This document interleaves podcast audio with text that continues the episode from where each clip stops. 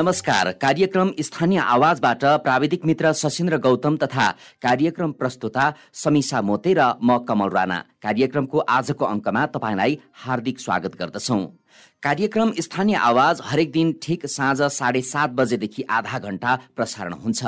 तपाईँले यो कार्यक्रम रेडियो क्यान्डिड बयानब्बे दशमलव सात मेगा हर्जमा हाम्रो website W W W dot radio candid dot कममा हाम्रो आधिकारिक फेसबुक पेजमा रेडियो क्यान्डिडको एप्स डाउनलोड गरेर र पोडकास्टमा समेत सुन्न सक्नुहुन्छ। यो कार्यक्रमको पुनः प्रसारण हरेक दिन बिहान साढे सात बजे हुनेछ।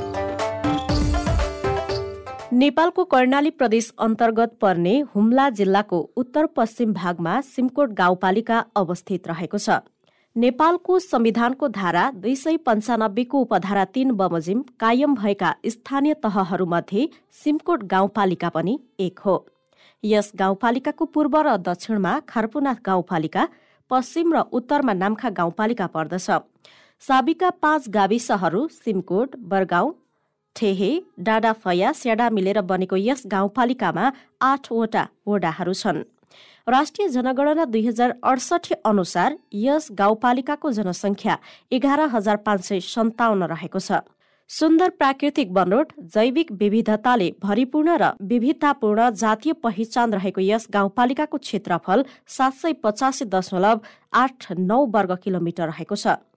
स्थानीय तह गठनपछिको पहिलो निर्वाचन सम्पन्न भई स्थानीय र अस्थायी कार्यालयहरूमा निर्वाचित जनप्रतिनिधिहरूबाट प्रभावकारी सेवा प्रभाव भइरहेको छ। जिल्लाको सदरमुकाममा अवस्थित यस गाउँपालिकाले प्रविधि मैत्री सेवामा जोड दिई छिटो र छरितो सेवा प्रदान गरिरहेको जनाएको छ। कर्णाली प्रदेश मुलुकका अन्य प्रदेशभन्दा विकट र दुर्गम प्रदेशको रूपमा रहेको छ।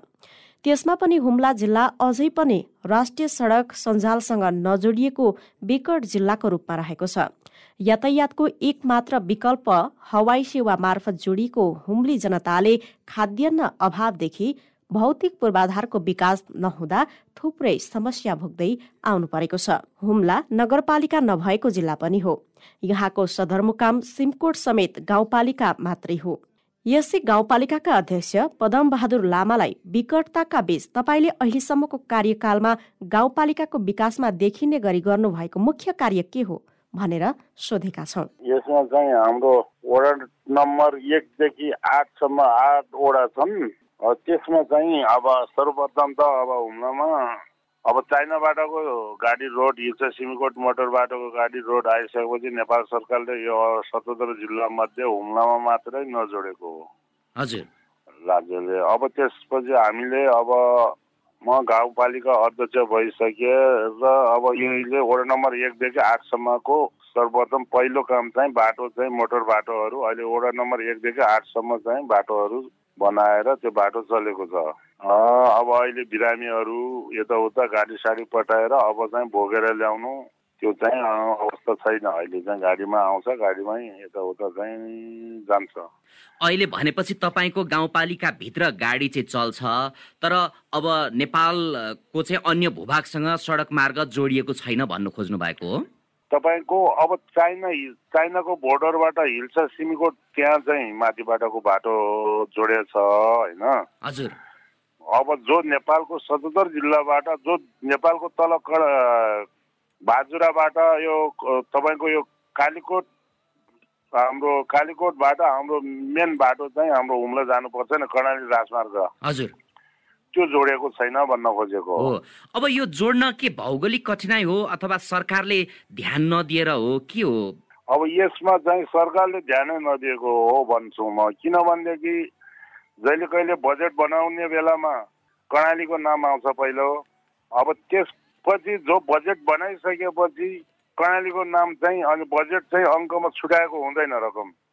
पर्याप्तमा बजेट छुट्याउँछ अहिले। अब पर्याप्त भन्दाखेरिमा अब खरबको पर्याप्त हो कि करोडको पर्याप्त हो कि लाखको पर्याप्त हो? त्यो सम्बन्धित ठाउँमा अब हाम्रो हुम्ला जिल्लाको पहुँच नपुगेर हाम्रो मन्त्री पनि छैन। मान्यले त अब एकछिन कुरा कराउँछ उहाँको कुरा लाग्दैन। अब राज्यको चाहिँ अब दृष्टिले गर्दाखेरिमा यो हुम्ला जिल्ला सदर जिल्लामा हुम्ला जिल्ला दुर्गुम हो है भनेर राज्यले हेर्न सक्दैन। अब हुम्ला जिल्ला र तपाईँको गाउँपालिकामा राष्ट्रिय राजमार्ग पुग्न के कति दूरी छ?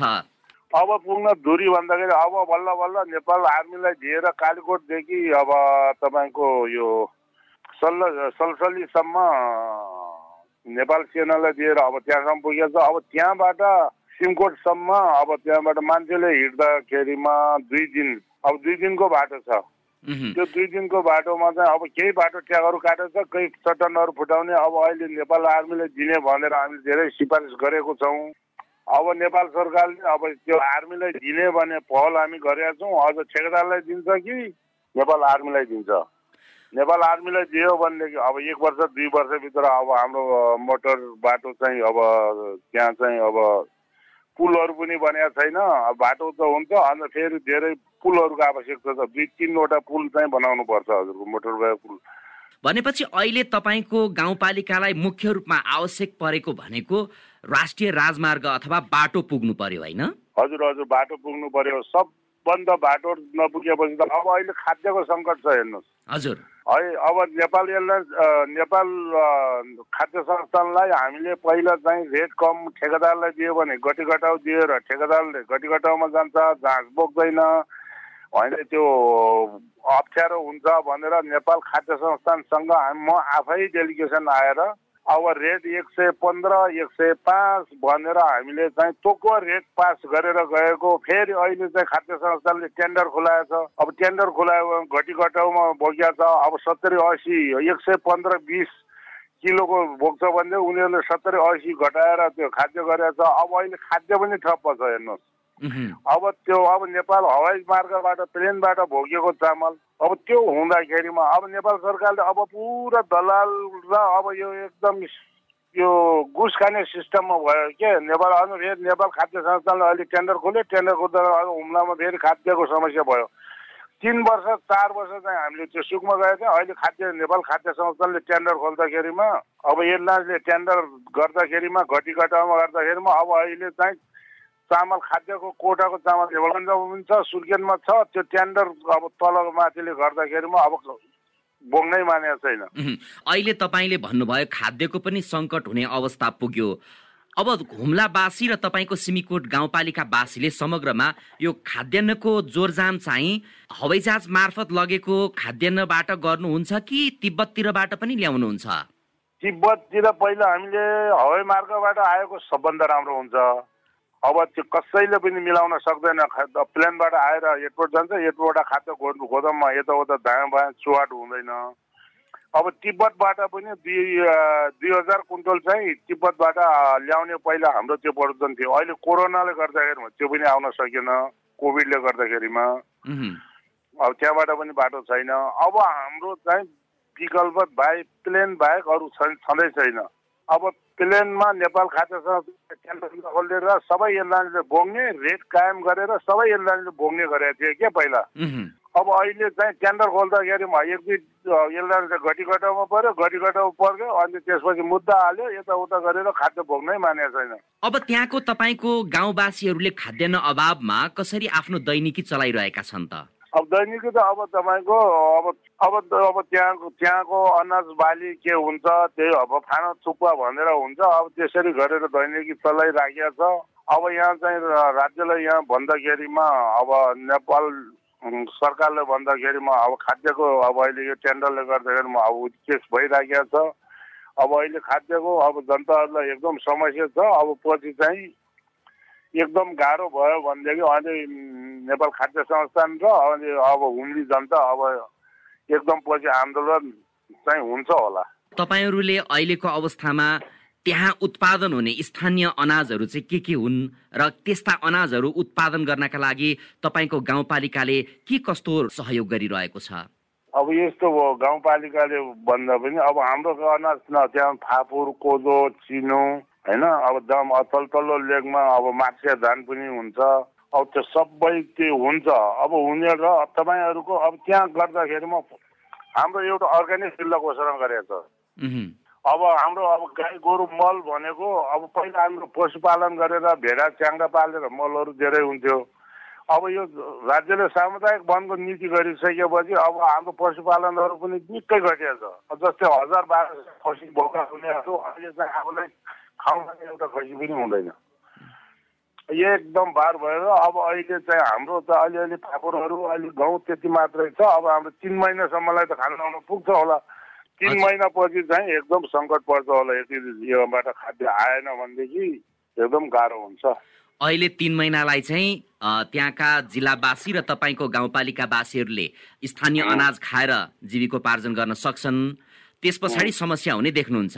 समस्या त समस्या हो भने अब राज्यले तपाईँको एउटा सब्सिडी हुम्ला जिल्लाको लागि नुन र चामल मात्रै सब्सिडी हो। अब अरू सुकुम जिल्लामा नुन तेल अनि त्यसपछि तरकारी सबैमा सब्सिडी पाउँछ भने हुम्ला जिल्लामा पाउने सब्सिडी नुन र चामल मात्रै हो। अब नुन चाहिँ अब सब्सिडी पाइराखेको छ। अब चामलमा पनि अब यो नेपाल खाद्य संस्थानले टेन्डर नखोलेको भए तोकेको रेटको हिसाबले गर्यो भनेदेखि अब त्यो एकदम खाद्य पहिला अब तिन वर्ष चाहिँ यस्तो न्युजमा आएकै थिएन यो कुरा आउँदै आएको थिएन। खाद्य बगाबग आएर पुगेको थियो। अब खाद्य संस्थानले अहिले टेन्डर खोल्दाखेरिमा अब अहिले खाद्य सङ्कटमा पर्न कारण त्यही हो। अब। त्यसपछि अब हुम्लामा अरू सब्सिडी केही पनि छैन राज्यले। अब त्यो चामल पनि अब यहाँबाट अब नेपाल खाद्य संस्थानले त्यो टिकट खोल्यो भने अब यसको बाँकी चाहिँ अब नेपाल खाद्य संस्थान हुन्छ। त्यसपछि अनि बल्ल बल्ल अब हाम्रो चाहिँ हाम्रो पनि यहाँ चाहिँ अब अहिले अधिवेशनले गर्दाखेरिमा हामीहरू चाहिँ त्यति त्यहाँतिर ध्यान दिन सकेका छैन। अधिवेशन सिद्धिँदा साथ। भने यो नेपाल खाद्य संस्थानसँग हाम्रो चाहिँ अब निकै लेखोजोखो हुन्छ होला। खाद्यान्न अभाव त तपाईँहरूले भोगिराख्नु भएको छ। सँगसँगै तपाईँले आफू निर्वाचित भएर आइसकेपछि स्थानीय तहको स्रोत साधन परिचालन र व्यवस्थापन चाहिँ कसरी गरिरहनु भएको छ? त्यहाँको स्थानीय जस्तो आम्दानीको स्रोत के हो तपाईँको गाउँपालिकाको? अब हाम्रो आम्दानीको स्रोत गर्दाखेरिमा नगरपालिका हुने हो। अब हाम्रो एकदम दुर्गम विकट भएर हामीले गाउँपालिका बनाएछ। होइन? नत्र भने सिङ्कुर सदरमुकाम हो नगरपालिका हुनुपर्ने हो। अब आम्दानीको स्रोत नभएर अब त्यहाँ रोजगार नभएर अब केही नभएर अब हाम्रो स्रोत बनेको त्यहाँ जडीबुटी अब फलफुल खेती अब कृषिमा पनि अब अलिकति राज्यले लगानी गर भन्छौँ। त्यो गर्दैन। अब गाउँपालिकामा बजेटै हुँदैन। बजेट भएको हामीले चाहिँ अब कृषिमा लगानी गरेको छौँ। अब अर्ग्यानिक कृषिमा अब फलफुल खेतीहरू तरकारीहरू ग्रिन हाउसहरू अब यताउता गरेर हामीले त्यसरी चाहिँ त्यो गरिराखेको छ। अब मेन स्रोत भनेको हाम्रो त्यो अब जडीबुटी त्यस्तै त्यस्तै हो।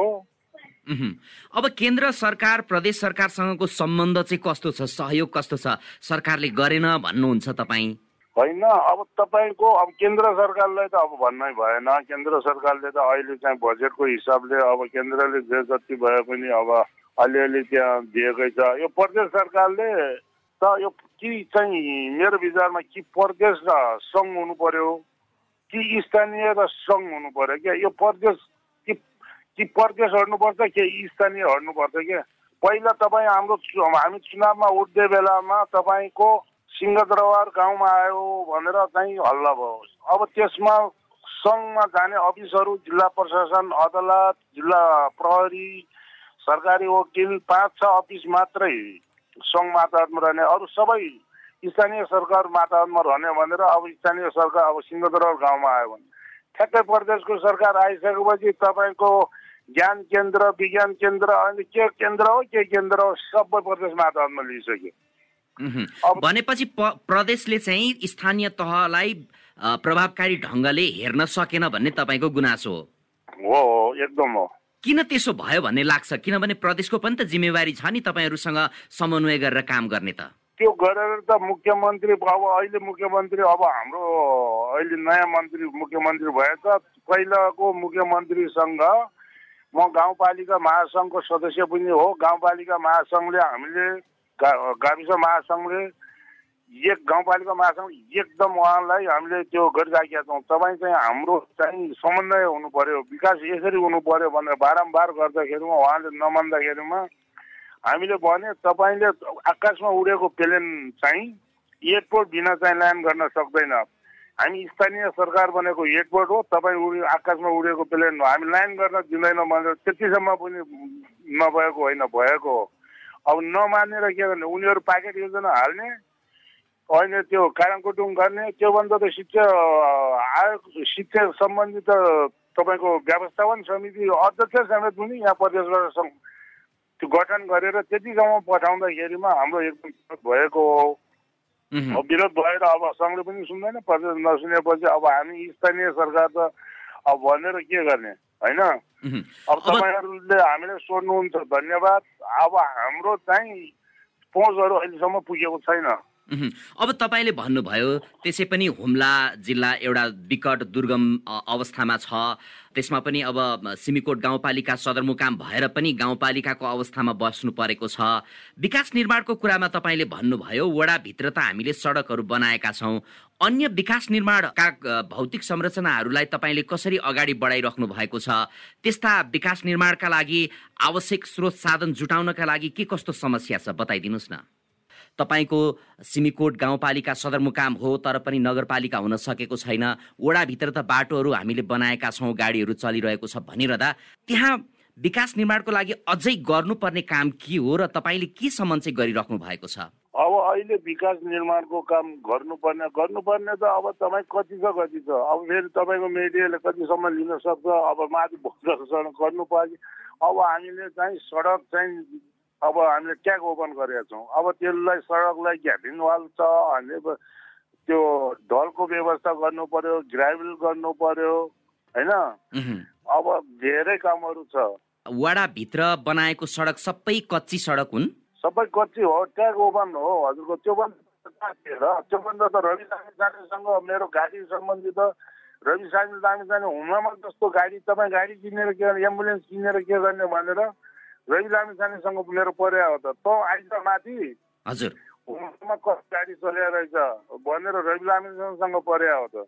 अब अहिले ट्याग ओपन मात्रै हो कि? हामी चौरात्तर सालमा हामी निर्वाचित भइसकेपछि त्यहाँबाट बल्ल गाउँपालिकाबाट यो ट्याग ओपनहरू वडादेखि वडामा चाहिँ हाम्रो ट्याग ओपनहरू भइराखेको छ अहिले।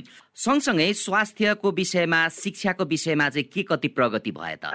त्यही त भने अब मैले भने नि अब स्वास्थ्यको हिसाब किताबले अब प्रत्येक गाउँमा अब अब दुई तिन गाउँमा चाहिँ स्वास्थ्य हेल्पर्सहरू छैन प्रत्येक गाउँपालिकामा गाउँहरूमा हेल्पर्सहरूको व्यवस्था चाहिँ हामीले माग गरे। अब अहिले के दुई तिन गाउँमा भएको छैन अरू त्यो पनि वृद्धि भयो। अब स्कुलहरूमा अब हामीले आवासीय विद्यालयहरू पनि अब जस्तै पाँच चौवनपाया एक अँ, भरगाउँ दुई मानसरोवर तिन तल चार पाँच पाँच ठाउँमा चाहिँ आवासीय विद्यालयहरूमा त्यस्तो। त्यसपछि अब अहिले त उता वार्ड नम्बर आठमा पनि अब गाउँपालिकाले पनि मैले आधार नेपाल भनेर उहाँले पनि त्यहाँ गरेर अब त्यो स्कुललाई पनि मैले व्यवस्था गरेँ शिक्षा स्वास्थ्यतिर पनि एकदम त्यहाँ लागेर अहिले सबै व्यवस्था चाहिँ हामीले राम्रै गरेका छौँ अब त्यहाँ अब अब यहाँ बाल बच्चाहरू ओसर पसर गर्छ भनेर अब त्यहाँ होस्टेलको व्यवस्था आवासीय विद्यालयको व्यवस्था गर्ने भनेर हामी त्यो गर्दाखेरिमा अहिले चाहिँ स्कुल र स्वास्थ्यतिर पनि हामीले राम्रै गरेका छौँ। यो कोभिडले गर्दाखेरिमा सबभन्दा हामीले विकास गर्न पनि सकेन यताउता गर्नले सबभन्दा अप्ठ्यारो कोभिडले गर्यो। तपाईँको गाउँपालिकामा के कति बालबालिकाहरू चाहिँ विद्यालयमा भर्ना भएका छन्? के कति बालबालिकालाई अझै समेट्न बाँकी छ? केही तथ्याङ्क छ? अब त्यो त समेटेको छ। अब तथ्याङ्क त एक दिन मैले तथ्याङ्क भन्न सक्दैन। सबैमा राम्रै समेटेको छ। अब अहिले चाहिँ त्यस्तो चाहिँ पहिलाको जस्तो चाहिँ भएको छैन। अब अहिले त अब अघि चाहिँ भन् अब भने अब त नगरपालिका घोषणा गर्नेमा पनि हामी पुगिसकेको छौँ। अब हामीले अब नगरपालिका घोषणा गर्ने भनेर हामीले अब चाहिँ त्यो पनि गरिसकेको छ। अब अहिले त्यस्तो चाहिँ त्यो छैन। अब तपाईँको जिल्ला हुम्ला एउटा विकट जिल्ला त छँदैछ तर प्राकृतिक रूपमा त्यति नै सौन्दर्यपूर्ण पनि छ त्यहाँनिर पाइने जडीबुटीहरूको महत्त्व छुट्टै छ। यस हिसाबले हेर्ने भने त्यहाँको रोजगारीको अवस्था चाहिँ कस्तो छ? अब त्यहाँ रोजगारीको हिसाबले रोजगारी भन्दाखेरि बारम्बार नेपाल सरकारलाई म आफैले भने त्यहाँ चाहिँ कृषि त्यहाँ चाहिँ खेतीयोग्य जमिन होइन त्यो। हजुर। अब पर्यटन र कृषि कृषिमा पनि फलफुल खेती धेरै उत्पादन हुन अब फलफुल स्याउ भयो ओखरहरू भयो आरूहरू भयो फलफुल खेती त्यसपछि आएर पर्यटनको व्यवस्था एकदम अब हाम्रो भौतिक पूर्वाधारहरू अब चाहिँ कैलाश मानसरोवर छ अब हाल्दी गुम्बा छ रलिङ तीर्थ छ खारपुट छ चाङ्ला हिमाल छ धुले दल लडे द पुरा पर्यटकीयकै व्यवस्था छ? तपाईँको अब पर्यटनतिर अब कृषि र पर्यटनले जोड दियो भनेदेखि त्यस गरी त्यसपछि हाम्रो मान्छे चाहिँ तपाईँको अरब त्यहाँतिर रोजगारको हिसाब किताबले बाहिर देशमा जाँदैन कि? हाम्रो त्यो पर्यटकीयको व्यवस्था र त्यहीँ दियो भनेदेखि त्यो हाम्रो हुम्ला जिल्लाको युवाहरूलाई रोजगार त्यहीँ दिन सकिन्छ। त्यसको लागि तपाईँले चाहिँ तपाईँको गाउँपालिकाले त्यस्ता केही कार्ययोजनाहरू बनाउनु भएको छैन? हामीले गरेको छ। कार्यपालिकाले गाउँपालिकाले बनाएको छ। नेपाल सरकारलाई हियारी भन्ने ठाउँमा हिल्सा नाका छ त्यहाँ क्वारेन्टाइनको व्यवस्था गर भनेर राज्यले क्वारेन्टाइनको व्यवस्था गरिदिँदैन अब हुम्लाको जडीबुटी तपाईँको नेपालगञ्ज सुर्खेत झरेर इन्डिया जान्छ इन्डियाबाट च्यानै भएर च्यानैबाट चाहिँ तिब्बतमै जान्छ। नेपाल सरकारलाई बारम्बार कराएका छौँ अब क्वारेन्टाइनको व्यवस्था भयो भनेदेखि त्यो जडीबुटी त्यो फलफुल त्यो तरकारीहरू तिब्बत देश अहिले चाइना तालकोट भन्छ ऊ चाहिँ मरुभूमि हो। अब सबै चाहिँ तिब्बत चाइनाबाटै ट्रान्सपोर्टेसन हुन्छ कि? नेपालको अरू हिमाली जिल्लाको जस्तै हाम्रो यो छ नम्बर प्रदेशको सबै जडीबुटी बढी भएको त्यहाँबाट जान्छ। अब क्वारेन्ट राख्नु हाम्रो नेपाल सरकारको क्वारेन्टाइन राख्ने व्यवस्था पनि गर्न सक्दैन अब पहल गर्दैन चाइनासँग। हामीले बारम्बार कराइराखेका छौँ। अब तपाईँहरू सीमा क्षेत्रको जिल्ला पनि हो। अब तिब्बतसँग तपाईँहरूको सीमा जोडिएको छ। तिब्बत र हुम्लाको सम्बन्ध एक हिसाबले दैनिक खाद्यान्न ओसार पोसारदेखि लिएर तपाईँहरूको बजार पनि थियो कुनै समय। अहिले त्यो बन्द भएको अवस्था छ। के कति मर्का परेको छ? पछिल्लो अवस्थालाई हेर्दा। मर्क त मर्क परेको छ नि उहाँहरूलाई पनि मर्क परेको छ हामीलाई पनि मर्क परेको छ होइन। एकदम मर्का छ। अब यो अब कोभिडले गर्दाखेरिमा अब हाम्रो पनि अब उता जान सकिएको छैन। उहाँहरूको सामान पनि धेरै पूर्तिहरू आउँछ चाइनाबाट। अब त्यो पनि आउन सकिएको छैन एकदम मर्कै छ त्यो त। अब प्रसुति गराउनेदेखि लिएर विभिन्न रोगको खोपको व्यवस्थापन तपाईँले कसरी गरिरहनु भएको छ तपाईँको गाउँपालिकामा? खोपको अहिले सबै व्यवस्थाहरू हाम्रो एकदम नियमित खोपहरू भइराखेको कुनै प्रसुति गराउनु पर्यो भने समस्या छ कि छैन गर्भवती महिलाहरूको लागि? छ छैन छैन हजुर छैन। अब अहिले अब केही एकदम चिकित्सा हुम्लामै गर्न नसक्यो भनेदेखि हेलिकप्टरबाट अब नेपालगञ्ज सुर्खेत त्यहाँ चाहिँ यसरी हुन्छ नत्र भने गाडी लिएर अहिले कति गाउँ वडा वडामा छ त्यहाँ पुग्न सकेन। जिल्ला हस्पिटलमा आउनु पर्यो जिल्ला हस्पिटल नभएपछि त्यसको चाहिँ अहिले आवश्यकता छैन एकदम राम्रै भएछ। छिमेकी स्थानीय तहसँग तपाईँको सम्बन्ध कस्तो छ? सहकार्य के छ? छिमेकी गाउँपालिकाहरूसँग तपाईँले सहकार्य गरेर केही त्यस्ता समग्रमा मिलेर गर्नुपर्ने विकासका कामहरू अथवा अन्य योजनाहरू कसरी बढाइराख्नु भएको छ अगाडि? त्यो गरेका छौँ त्यो अब हामीले छिमेकी गाउँपालिका अब जस्तै नाम्कासँग पनि हाम्रो रिलेसन राम्रै छ खारुनाथसँग पनि राम्रै छ। सबैसँग हामी मिलेर अहिलेसम्म हामी स्थानीय तहमा त हामी मिलिराखेका छौँ एकदम राम्रै भइराखेका उहुँ। छिमेकी गाउँपालिकासँग पनि तपाईँले सडक मार्ग जोड्ने कामहरू बढाउनु भएको छ अगाडि? त्यही सडक मार्ग जोडेर त अहिले खारको सिङकोट नजोडेपछि खारको आउनु जान सक्दैन। सिङकोट नगरेपछि नाम्का जोड्न सक्दैन। त्यो सहमतिकै आधारमा जोडेका छौँ त्यो सबै जोडिसकेका छौँ। धर्म संस्कृतिमा तपाईँले नेतृत्व गर्नुभएको गाउँपालिका के कतिको धनी छ? धर्म संस्कृतिमा त्यो हिन्दू मान्नेले हिन्दू मान्छ बुद्धिस्ट मान्नेले बुद्धिस्ट मानिन्छ। अब अहिले त फेरि अर्को एक धर्म रहेछ त्यो। त्यो पनि आइराखेको छ। इस्यु हो के हो त्यो। हजुर। त्यहाँ धर्म इस्यु धर्महरू पनि अब त्यहाँ हुम्लामा आएर त्यहाँ पनि पुगिसकेको छ। तपाईँको स्थानीय तहमा भएका समस्या र स्थानीयवासीलाई के भन्न चाहनुहुन्छ? नेपाल सरकारलाई के भन्न चाहनुहुन्छ?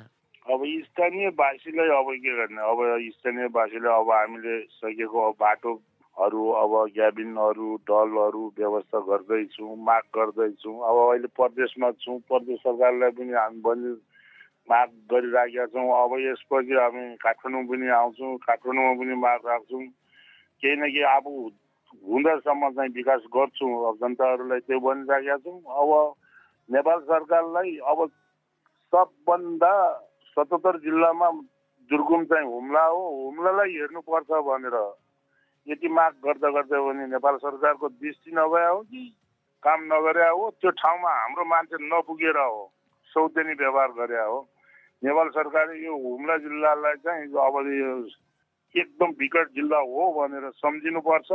हुम्ला जिल्लालाई विकास गर्नुपर्छ। यदि नेपालको भूगोल हो नेपालको जनता हो भनेपछि होइन भनेदेखि अब चाहिँ अब बोर्डरको नजिक पनि छ। अब अहिले चाइनाले पनि चेप्दै ल्याएको छ। हामी पनि अब त्यो चाइना गए पनि अब जनताहरूको मनसाय पनि त्यस्तै त्यस्तै छ। तपाईँहरूको कार्यकाल पनि लगभग लगभग अब त सिद्धिन पनि लागेको छ। यो अवस्थामा फेरि पनि निर्वाचित भएर जनताको सेवा गर्छु भन्ने तपाईँले मनसाय बनाउनु भएको छ कि अब चाहिँ पुग्यो भन्ने छ?